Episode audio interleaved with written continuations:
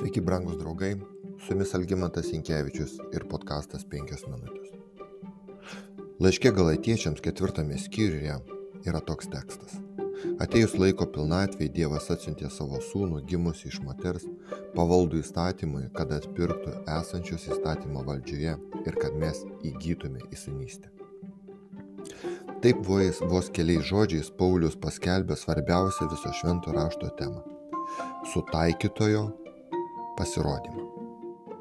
Senajame testamente yra per 300 pranašyšių, kurios nus, nušviečia mesijo pasirodymo, išvaizdos asmenybės ir tarnaimo ženklus.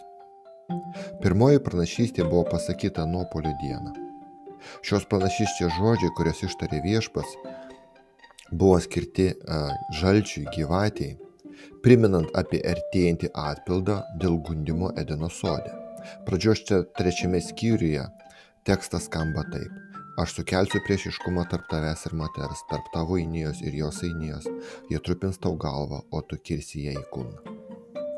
Po šimtmečių viešpas dar kartą priminė, kad Dievo sūnaus gimimas bus neįprastas, tai yra nedalyvaujant žemiškajam tėvui. Izaijo knygoje yra toks tekstas. Štai mergelė laukėsi kūdikio, ji pagimdys sūnų ir pavadins jį vardu Emanuelis. Biblijoje taip pat nurodoma, kad viešpats bus Abraomo, Jokūbo, Judo ir karaliaus Dovido palikonis. Visos tautos žemėje gaus palaiminimą per tavo palikonis, tarė viešpats Abraomui, pradžios knygoje 22 skyriuje. Toliau 49 skyriuje yra pasakyta skeptras nepaliks judui nei valdovo lasda, koliai neteis tas, kuriam tai priklauso. Taip Jokūbas palaimino savo ketvirtąjį sūnų. Tikėkite manimi tai viešpatie žodis, ateina metas, kai išauginsiu Dovydui teisę atžalą. Kaip karalius jis viešpataus ir su maniai vykdys krašte, kas teisinga ir teisu. Taip mums liudija pranašas Jeremijas. Pranašiškai buvo nurodytos ir kitos mesijo atėjimo detalės.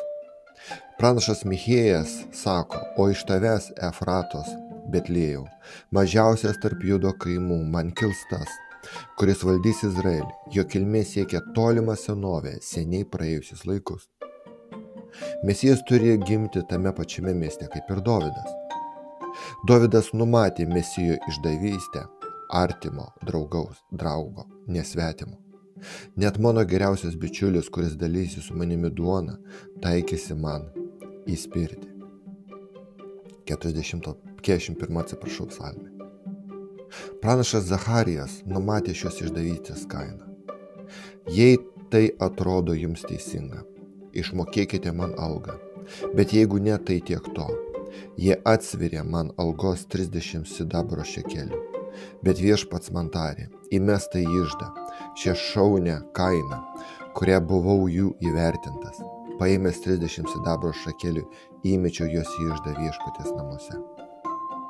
Izaijas kalba apie smurtinę Dievo sūnaus mirtį ir tai, kad jis kenties kaip nusikaltelis. Prievarta ir teisumu jis buvo nušalintas. Ir kas bebūtų galvojęs apie jo likimą. Kai jis buvo atskirtas nuo gyvybės krašto, ir pasmerktas mirti už mano tautos nuodėmę. Jam buvo skirtas kapas tarp nedorelių, laidojimo vieta su piktadariais, nors jis nebuvo padaręs nieko blogo, neištaręs malagingo žodžio. Šitą tekstą mes randame Izaijo knygoje 53 skyriuje. Karalius Dovydas perteikė dar baisesnės viešpaties egzekucijos detalės. Psalmėse jisai rašo, šunys mane apgula iš visų pusių, nedorelių gauja mane apspint, apspinta. Jie žaidžia man rankas ir kojas. Galiu suskaičiuoti visus savo kaulus, mano priešai spoksu į mane ir džiaugiasi, dalyjasi tarpusavį mano drabužius ir meta kauliukus dėl mano apdaro. Be to, karalius Dovydas pranašiškai kalba apie pateptojo prisikėlimą iš mirusiųjų. Juk nepaliksi manęs šiaolui, neleisi savo, savo teisėjam matyti kapą.